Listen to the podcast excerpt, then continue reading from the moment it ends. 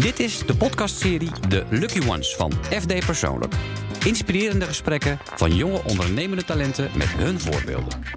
Een paar jaar geleden begon de special FD Jonge Talenten als eenmalig experiment en is uitgegroeid tot een begrip onder lezers en startende ondernemers. Dit is niet de standaardlijst met bekende veelgenoemde namen en ondernemingen. Dit zijn de 50 mensen die werken aan een betere wereld en dat nog onder de radar doen. De FD Persoonlijk Redactie struint zelf het hele jaar door evenementen en broedplaatsen af om beloften te scouten.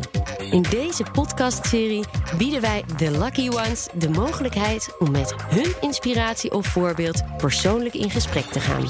In deze aflevering Graciela van Hamersveld. Ze neemt met haar bedrijf Closure voor nabestaanden het vaak lastige en emotionele proces uit handen van het opsporen en opzeggen van abonnementen en digitale accounts. Ze pleit bij zowel consumenten als het bedrijfsleven voor bewustwording van je digitale identiteit.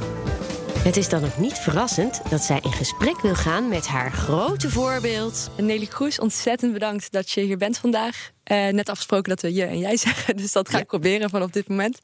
Nou, iedereen uh, kent jou natuurlijk, maar uh, voor degene toch nog even korte uitleg. Nelly is mijn rolmodel en dat is omdat zij een hele inspirerende vrouw is, heel veel kennis en ervaring heeft binnen politiek, zakenleven, regelgeving en zich ook ontzettend inzet voor start-ups.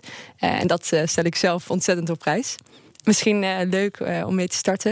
Um, je krijgt natuurlijk niet elke dag de kans om je rolmodel te interviewen. En ik vond het ook heel erg moeilijk. Um, ik wilde graag echt, echt de persoon die mij ontzettend inspireert interviewen. Uh, en toen ben ik uiteindelijk bij jou terechtgekomen. Ik vroeg me af, wie inspireert jou nou heel erg? Als je iemand zou mogen interviewen, wie zou dat zijn? Um, dat kan niet meer, want die is overleden.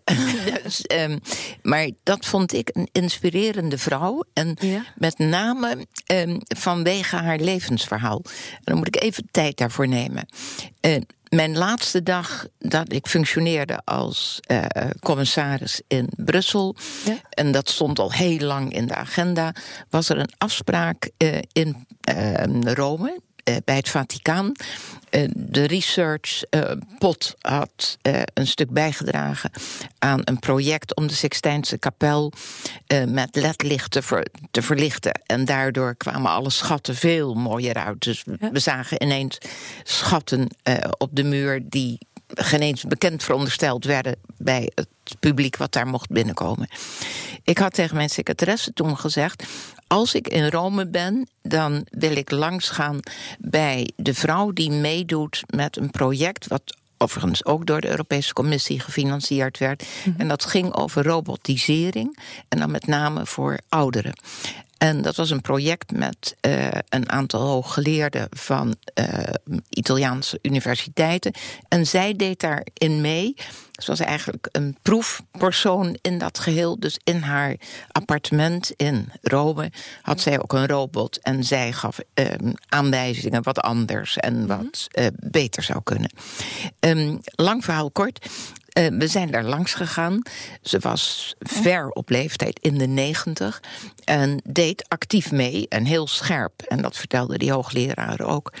En op een gegeven moment kreeg ik de kans om haar te vragen: hoe heeft uw leven er tot nu toe uitgezien? En het klonk als volgt. Toen ze 16 was, uh, is ze getrouwd.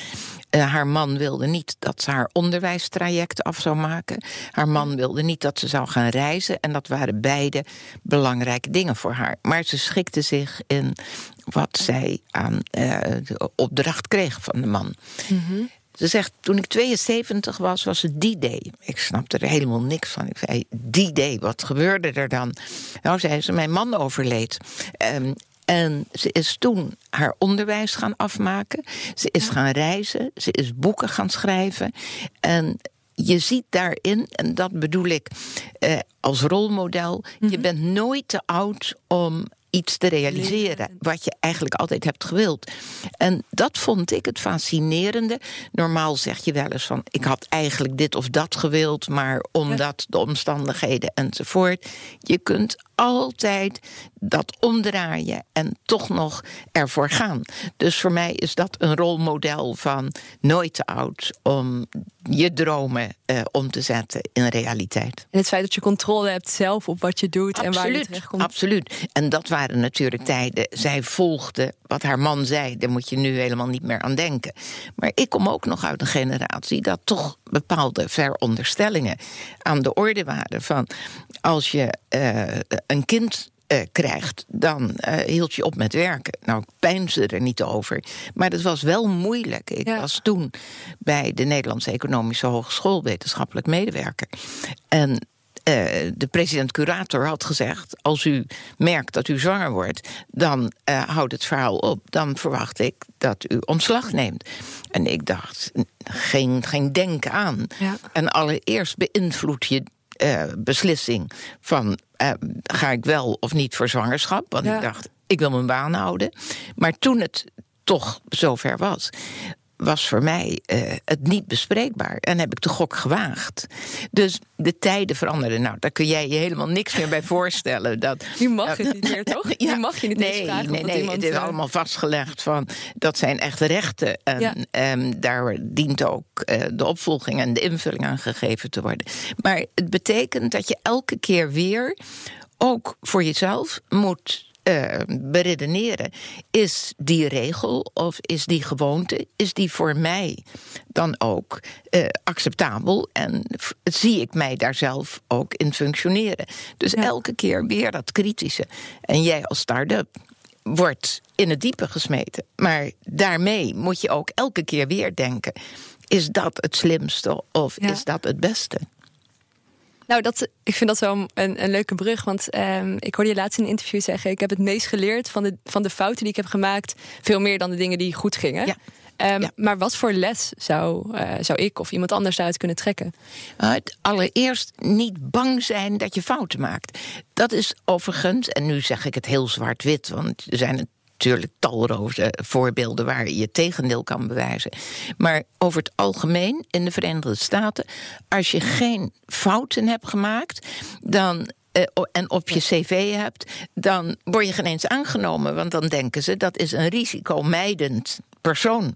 En die gaat niet nog eens een keer een stapje verder om te kijken of dan misschien het succes nog groter zou kunnen zijn. Ja. En in Nederland blijf je toch dat stempel houden van je bent niet geslaagd, je bent failliet verklaard. Ook in onze wetgeving, dat neemt ontzettend veel tijd voordat je van dat failliet gaan afkomt. Ja, je komt er niet vanaf, maar voordat dat afgewerkt wordt, je kunt dan niet gelijk weer een nieuwe tent beginnen. En dat is, vind ik, in de Nederlandse situatie dat risicomijdend gedrag ja. is een slechte zaak. En met name vrouwen hebben daar last van, omdat je denkt van. Ik moet laten zien dat ik het kan en dat ik succesvol ben. Maar daardoor neem je minder risico's. Ga je minder op je bek, ja. ja. Maar dat moet niet gezien worden als negatief, maar juist als positief. Ja, alles wat natuurlijk ook vernieuwend is, houdt ja. risico in zich. Absoluut, absoluut. En toen ja. jij begon, maar ik ben geïnteresseerd ja. van waarom ben jij in deze sector begonnen en wat voor gedachten had je aan het begin?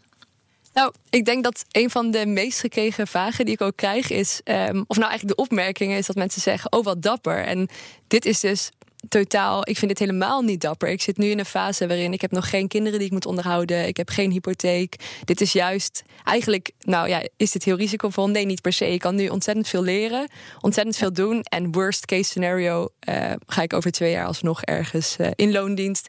Ja. En komt het allemaal goed. Dus de reden dat ik nu ben begonnen, enerzijds uh, persoonlijke ervaring. Dus... Um, ja, je ziet gewoon in je omgeving hoeveel pijn dit mensen doet en hoe ja. Zeg even precies wat je doet. Want ja. neem aan, dat, jij hebt het mij net verteld, maar ja. de luisteraars weten dat niet allemaal. Nee, precies, goed punt. Um, wij, wij doen afrondingen van abonnementen, contracten en accounts na een overlijden. Dus echt je gas, water en licht, telefonie, je sportlidmaatschap, je abonnement op Uber, Swapfiets, echt alles. Uh, wij noemen het de digitale identiteit.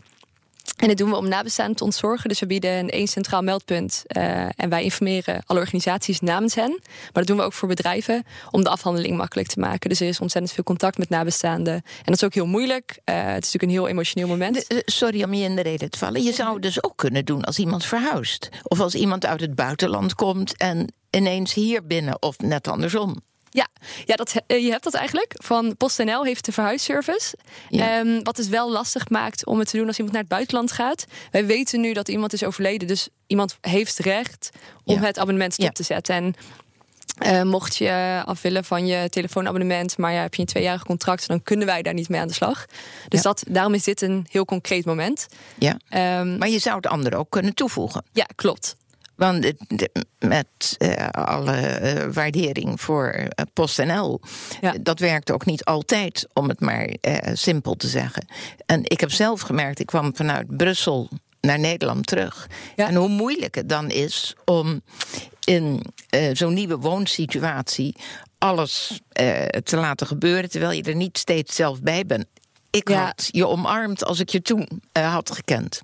Ja, want dat is het. Het is, het is niet alleen zo'n melding doorgeven. het is ook alle verwerking die daarna komt. En je zou contracten overnemen. Zeker als iemand komt te overlijden, dan neemt vaak de partner uh, nog, uh, nog dingen over.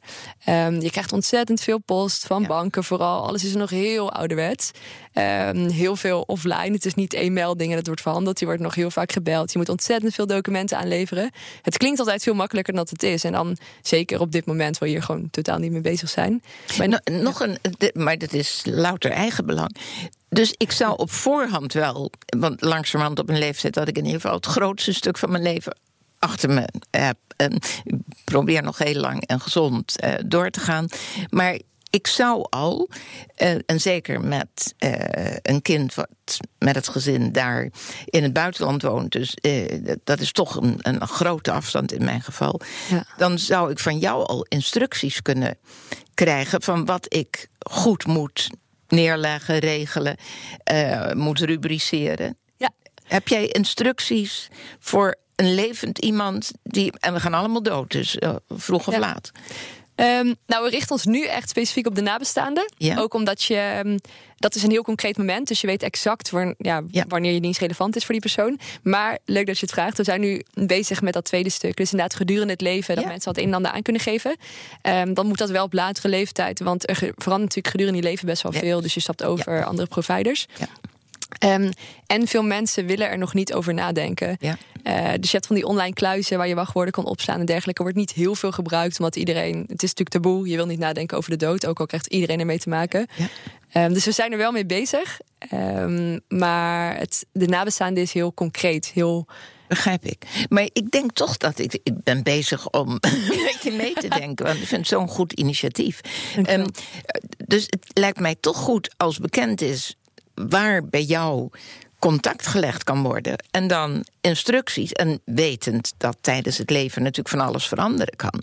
Maar ja. als ik al in die digitale map, zal ik maar zeggen, die mogelijkheden heb, dan moet ik ook daarop reageren en wijzigen wanneer er iets te wijzigen valt. Ja, ja, ik denk dat dit eigenlijk. Er zijn twee problemen. En, uh, de ene is het feit dat overzicht krijgen van die bedrijven. Je ziet ja. ook dat dat heel moeilijk is, want ja. de meeste mensen weten helemaal niet waar hun. Oh, en als je die belt en je komt dan op zo'n zo'n voicemail. Oh, helemaal gillend gek. Ja. Van, van zo'n bedrijf. Ja, van zo'n bedrijf. Ja. Oh, ik had laatst ook. Toen, we bellen ook vaak zelf bedrijven gewoon om achter te komen wat er misgaat. En dan sta je in zo'n hele vrolijke wachttoon, 20 minuten. Dat is natuurlijk.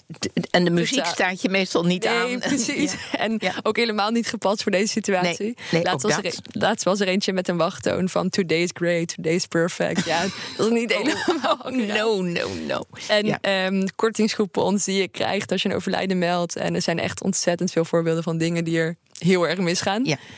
Um, dus dat is inderdaad het eerste. Dat is het overzicht krijgen. Is, ja. Of nou, dit is eigenlijk weer de tweede. Het, het informeren van de organisaties. Ja. Die tackelen we. Uh, en dat, we doen ook de afhandeling daarna. Maar die andere is echt dat overzicht krijgen. En daar willen we bij ondersteunen. Dus je krijgt straks wel um, nieuwe regelgeving, de PSD2, waarmee banken hun transactiedata um, beschikbaar stellen aan derden. Dat wordt een hele interessante, want dan kan je in ieder geval eruit filteren wat betaalde abonnementen zijn. Dus ja. we willen ook echt daarbij helpen. Wat wel moeilijk is, denk dat we nu op een precies een transitie zitten van de meer uh, of naar richting de mensen die van technologie houden ja. en die dat makkelijker vinden. Dus um, het voelt, denk ik, voor uh, veel mensen voelt dat wel. Um, je voelt dat niet zo goed om, om ergens een vinkje te zetten en te zeggen: Nou, lees maar wat er wordt afgeschreven van mijn bank. Ook al kunnen we dan niks doen. Dat, dat voelt heel spannend. Dus je ziet ook dat het feit dat mensen zelf de bedrijven selecteren. En daar, dat is ook een soort van onderdeel. Enerzijds van het, de emotionele verwerking na een overlijden. Maar anderzijds voelt dat gewoon als controle. En vinden ze het allemaal maar spannend wat, dat, wat daar online gebeurt. Dus Um, we willen daar wel meer op doen op dat vlak. Echt dat overzicht krijgen en mensen gedurende het leven al laten invullen. Ja. Maar het heeft wel wel wat complicaties. Dat moet overigens geen belemmering zijn, maar het maakt het wel um, wat moeilijker in ieder geval te tackelen. Ja, maar er wordt zo gehamerd op, um, of gehamerd, maar en, en terecht aandacht gevraagd. Um, ga eens een keer op, zeker op een bepaalde leeftijd, maar eigenlijk zou dat voor alle leeftijden moeten gelden.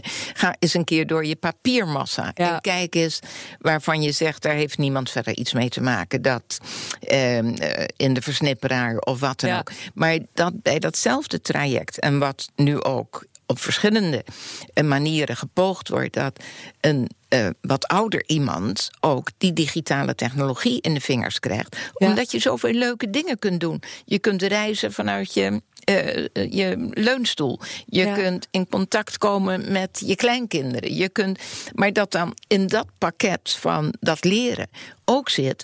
En wees verstandig. Weet dat op een gegeven moment in die rubricering er hulp, deskundige hulp, betrouwbare deskundige hulp is. Ja, ja, toevallig mijn oma is dus ontzettend uh, modern en gebruikt Facebook en uh, stuurt WhatsApp berichtjes en zo. Dat is, het kan zeker. Um, maar dan is de kunst zit er denk ik in dat je het ook. Voor ons is het heel belangrijk dat wij het heel duidelijk, eenvoudig, overzichtelijk maken. En het moet niet als een. Uh, het moet gewoon heel laagdrempelig zijn om eraan te beginnen. En dat is denk ik uh, een van de lastige dingen om te doen. Je wilt technologie begrijpbaar maken en ook gewoon heel toegankelijk voor mensen. Maar je hebt volledig gelijk. Er is een hele wereld aan. Uh, aan uh, mooie producten en diensten. Ja, waar, uh, waar je gebruik van wil maken. Ja. Graciela, leg me eens uit. Um, dus, ik leg het moede hoofd neer. Nou, dat is nog niet moe, dus dat duurt nog een tijdje. En waar beginnen jullie? Want wie neemt het initiatief en wat is dan de vraag en hoe gaat dat? Um, er zijn meerdere manieren waarop we in contact komen met de nabestaanden. Dat kan dat iemand gewoon gaat zoeken naar, uh, in, een, in Google naar abonnement op zeggen en overlijden. Bij uh, Eneco bijvoorbeeld. Dan komen ze bij ons terecht. Um, Anderzijds, dit is niet het belangrijkste kanaal. Het belangrijkste is eigenlijk via de bedrijven zelf. Dus als je nu bij KPN is een partner van ons, als je bij KPN terechtkomt, zegt KPN: wil je alleen KPN informeren of ook andere organisaties? Want je moet natuurlijk altijd andere organisaties informeren na een overlijden. En dan kan dat direct via ons. Dus iemand komt uiteindelijk toch terecht bij zo'n partij en dan gaan ze mee aan de slag. Um, en via de uitvaartsector. Dus een uitvaartondernemer of uitvaartverzekeraar die het aanbiedt. Dan vervolgens uh, creëert iemand een account. En ze kunnen dan letterlijk in een checklist aanvinken per organisatie: wil je hem overzetten of beëindigen? En per wanneer? Ja. Dan vragen wij gegevens uit aan de hand van de diensten die je selecteert. Dus wil je die bellen informeren, hebben we niet veel nodig. Wil je de ING, dan hebben we best wel wat informatie nodig. En dan gaan wij automatisch, oh, automatisch die uh, organisaties uh, informeren. En ook alle terugkoppeling verloopt via ons. Zodat je ook alles gebundeld hebt op één plek. Want anders je verliest echt het overzicht erin. Ja. En je vergeet dingen. Ja, je vergeet dingen. Oh ja, dat is ook een belangrijke. Dus mensen kunnen later ook dingen toevoegen. Want okay. je um, komt nog dingen tegen per post of een ja. ANWB-lidmaatschap. Wordt één keer per jaar afgeschreven, denk je ook niet aan. En mensen denken vaak dat ze alleen denken van nou, ik heb niet zoveel, ik heb gaswater en licht, telefonie. Dat is het wel, maar dan heb je. Ik heb laatst voor mezelf geteld en ik had er 56 abonnementen, contracten en accounts. En dat is nog niet eens je uh, klantenpas van uh, bepaalde zaken. Dat is echt de betaalde diensten. Dat is ongelooflijk. Wauw. Ja, wow. het is zoveel. Vertel eens, want je hebt econometrie gestudeerd. Van hoe kom je in hemelsnaam in deze sector? Data, ja, ja maar dat is te makkelijk. Ja, ik denk um, dat er vaak. Ik, ik hou gewoon van ondernemerschap. Vaker meegedaan van die wedstrijden, dingen uitgewerkt. Um, ik heb een foodtruck. Ook gewoon. Hey, is totaal geen grootschalig project. Maar ik vind het wel leuk om met nieuwe dingen bezig te zijn. Um, maar waarom specifiek dan dit idee? Ja. Is denk ik enerzijds uh, het um, iets goeds doen. Ja. Dus echt waarde toevoegen voor mensen die het ja. zwaar hebben. Ehm, het feit dat het een hele traditionele sector is, vind ik heel boeiend. Ja. Want er is gewoon heel veel ruimte voor verbetering. En je had verwacht dat zo een dergelijk initiatief vanuit de uitvaartsector kwam. Zelf, ja. Ja, maar dat, dat is totaal niet. Goed voor eh, jou. Het, oh ja, precies. Dus dat, ik vind dat heel interessant. Ehm, maakt het ook eh, wat lastiger, want de sector beweegt eh, niet, niet zo erg mee als in meer innovatievere sectoren. En ehm, ja, het feit dat we inderdaad data verwerken, dus econometrie heeft wel de link. Ik ben weinig uh, hardcore econometrie dingen aan het doen vandaag de dag, maar ik vind het wel leuk om bezig te zijn met het efficiënter maken van processen. En dat is denk ik wel iets wat bij mijn achtergrond aansluit. Ja, goed. En, um, wat ik leuk zou vinden om te weten, als u um, ooit uh, ondernemer was geworden, welk ja. bestaand bedrijf had u dan opgericht en waarom, waarom wow. dit bedrijf? Ja, het is een hele moeilijke vraag ja, hoor. Maar... Heel moeilijk. Ik kom oorspronkelijk uit de uh, transport- en logistieke sector. Uh, nou, dan is de sprong naar digitaal is natuurlijk ook zeer uh, aan de orde. Ja. Um, dus het zou heel pretentieus klinken als ik zeg van... oh, dan zou ik in die sector gaan zitten. Maar ik heb wel wat met connecten. En ik heb wel wat met proberen om daar meer efficiency in te brengen. En ja, ik, ik mag oprecht hopen dat, stel dat, um, en dan op het juiste moment, op de juiste plaats enzovoort, wat nu zo vaak door jouw generatie gepakt wordt en een gat in de markt vinden.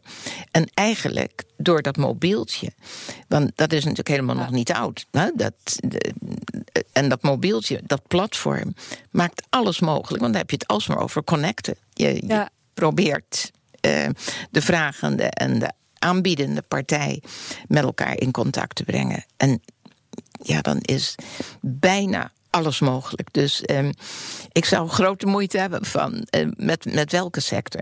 Maar je ziet het, uh, marktplaatsen, je ziet het ja. uh, in zoveel situaties. Um, zie je dat mensen door het het platform te zetten een hele nieuwe business ontwikkelen. Ja. ja, klopt. Die, die, het efficiënter maken van processen en Ja. bundelen, dat zie Ja. je echt eh, heel veel. En dat kon vroeger natuurlijk ook niet. Dus Nee, dat kon niet, want je had geen mobieltje. En door het mobieltje is natuurlijk een wereld Ja. opengegaan. En dat, dit is nog maar het begin. Want als je nu ziet, het laboratorium wat in Delft geopend wordt voor de quantumcomputer, maar dan eh, van professor Kouwenhoven, ja, dan spreken we over hele andere machten. Dus Ja. eh, dan is echt waar we nu in zitten nog kinderspel. Nou, ik vind het, ja, dat is wel leuk om te zien dat ehm, bijvoorbeeld de reden dat, eh, dat ja, ons bestaansrecht eh, is omdat wij alles digitaal doen. Dus we, als, een, als we straks ehm 500 man hebben die manueel abonnementen zitten af te ronden, dan werkt het natuurlijk niet. Dus alles gaat geautomatiseerd. Kan ook allemaal digitaal. En het. ehm, Grappig is, sommige organisaties moet je per post informeren. Dan denk je, oh, dat is een probleem. Dat, Ja. nou, dat kan ook digitaal, want je hebt gewoon diensten die automatisch post voor jou versturen. Dus we zitten natuurlijk wel inderdaad in een fase waarin eh, het tegen, waardoor dit soort dingen mogelijk zijn. Ja. En, en dan nog om terug te komen op mijn vraag van net, welk eh, bedrijf zou dan passen binnen dat, ehm, dat platform, of ja, marktplaats noemde je natuurlijk. Dat, nou, ik vind Marktplaats een, een hele het interessante wat daar gebeurt. Maar jij zei zelf, je foodtruck, de- de- Ja. die heb je? Eh, Nou ja, in, nog, nog heel kort. ja, nee, maar eh, ver- vertel daar eens wat over. Want dat zijn natuurlijk terreinen waar zoveel in mogelijk is. En dat fascineerde mij. We hoorden zeer recent dat ehm, in Nederland kinderen eh, op een basisschool bijvoorbeeld, dat zoveel kinderen ongezond of überhaupt niet eten voordat ze naar school gaan, of dat ook de rest van de dag het echt ongezond is wat ze Ja. eten. En die percentages, daar viel ik stijl van achterover. Ja, wat. ehm, Heel hoog. De-. Ja, heel hoog. En als je dus ehm, daar een oplossing voor zou vinden, ehm, dan zou je kunnen denken: eh, doe een warme lunch tussen de middag.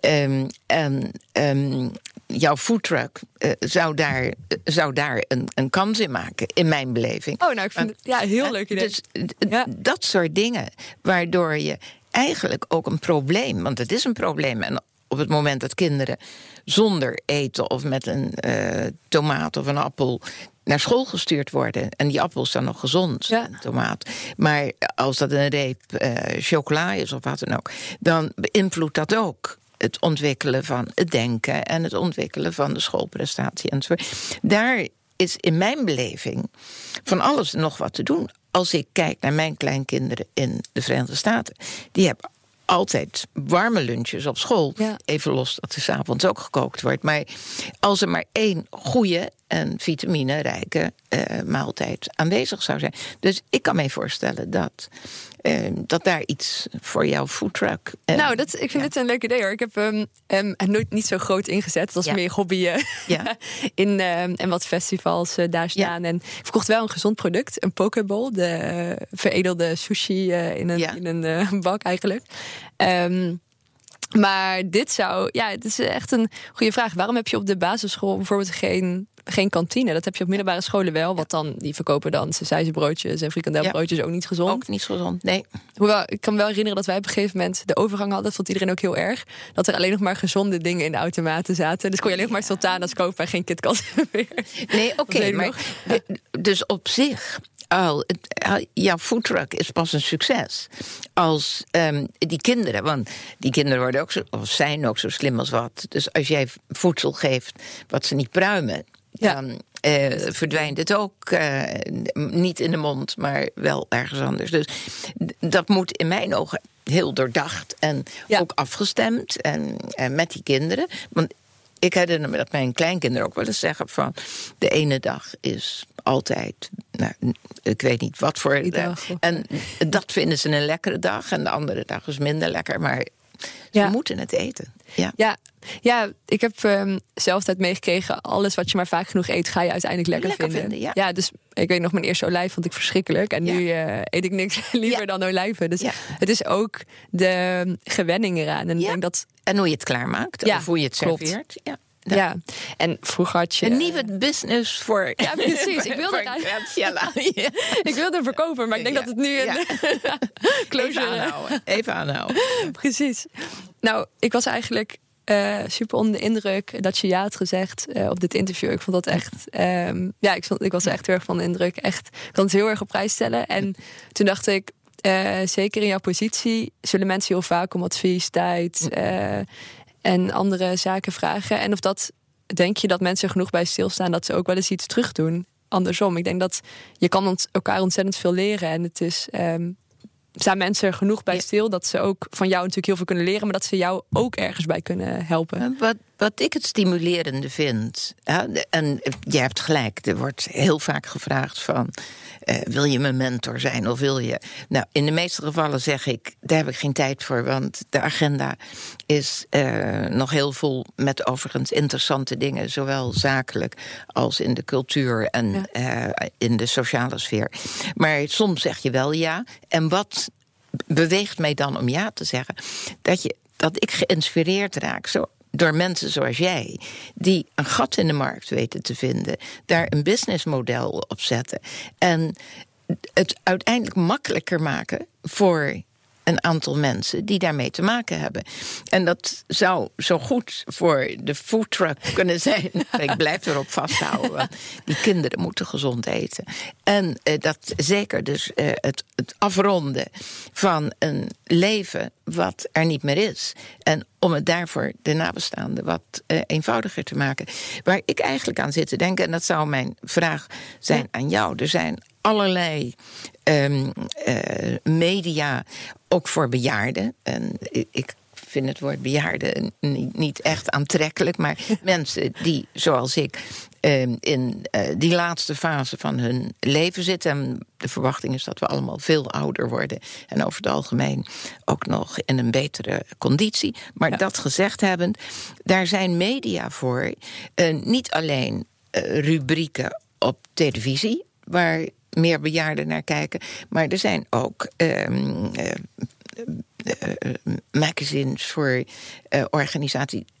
laat, laat, je interviewen. Laat, dus dat je dat onderwerp, dat het bespreekbaar wordt. Want aan de, eer, of de eerste reactie is vaak: oh, van daar wil ik het niet over hebben. Maar je, je wil het juist wel goed geregeld hebben of makkelijker maken voor de nabestaanden. Dus maak publiciteit. En ja. uh, ga een keer bij Max uh, zitten aan zo'n tafel. Ga een keer bij um, interviews enzovoort zitten. Dus dat zou mijn advies aan jou zijn.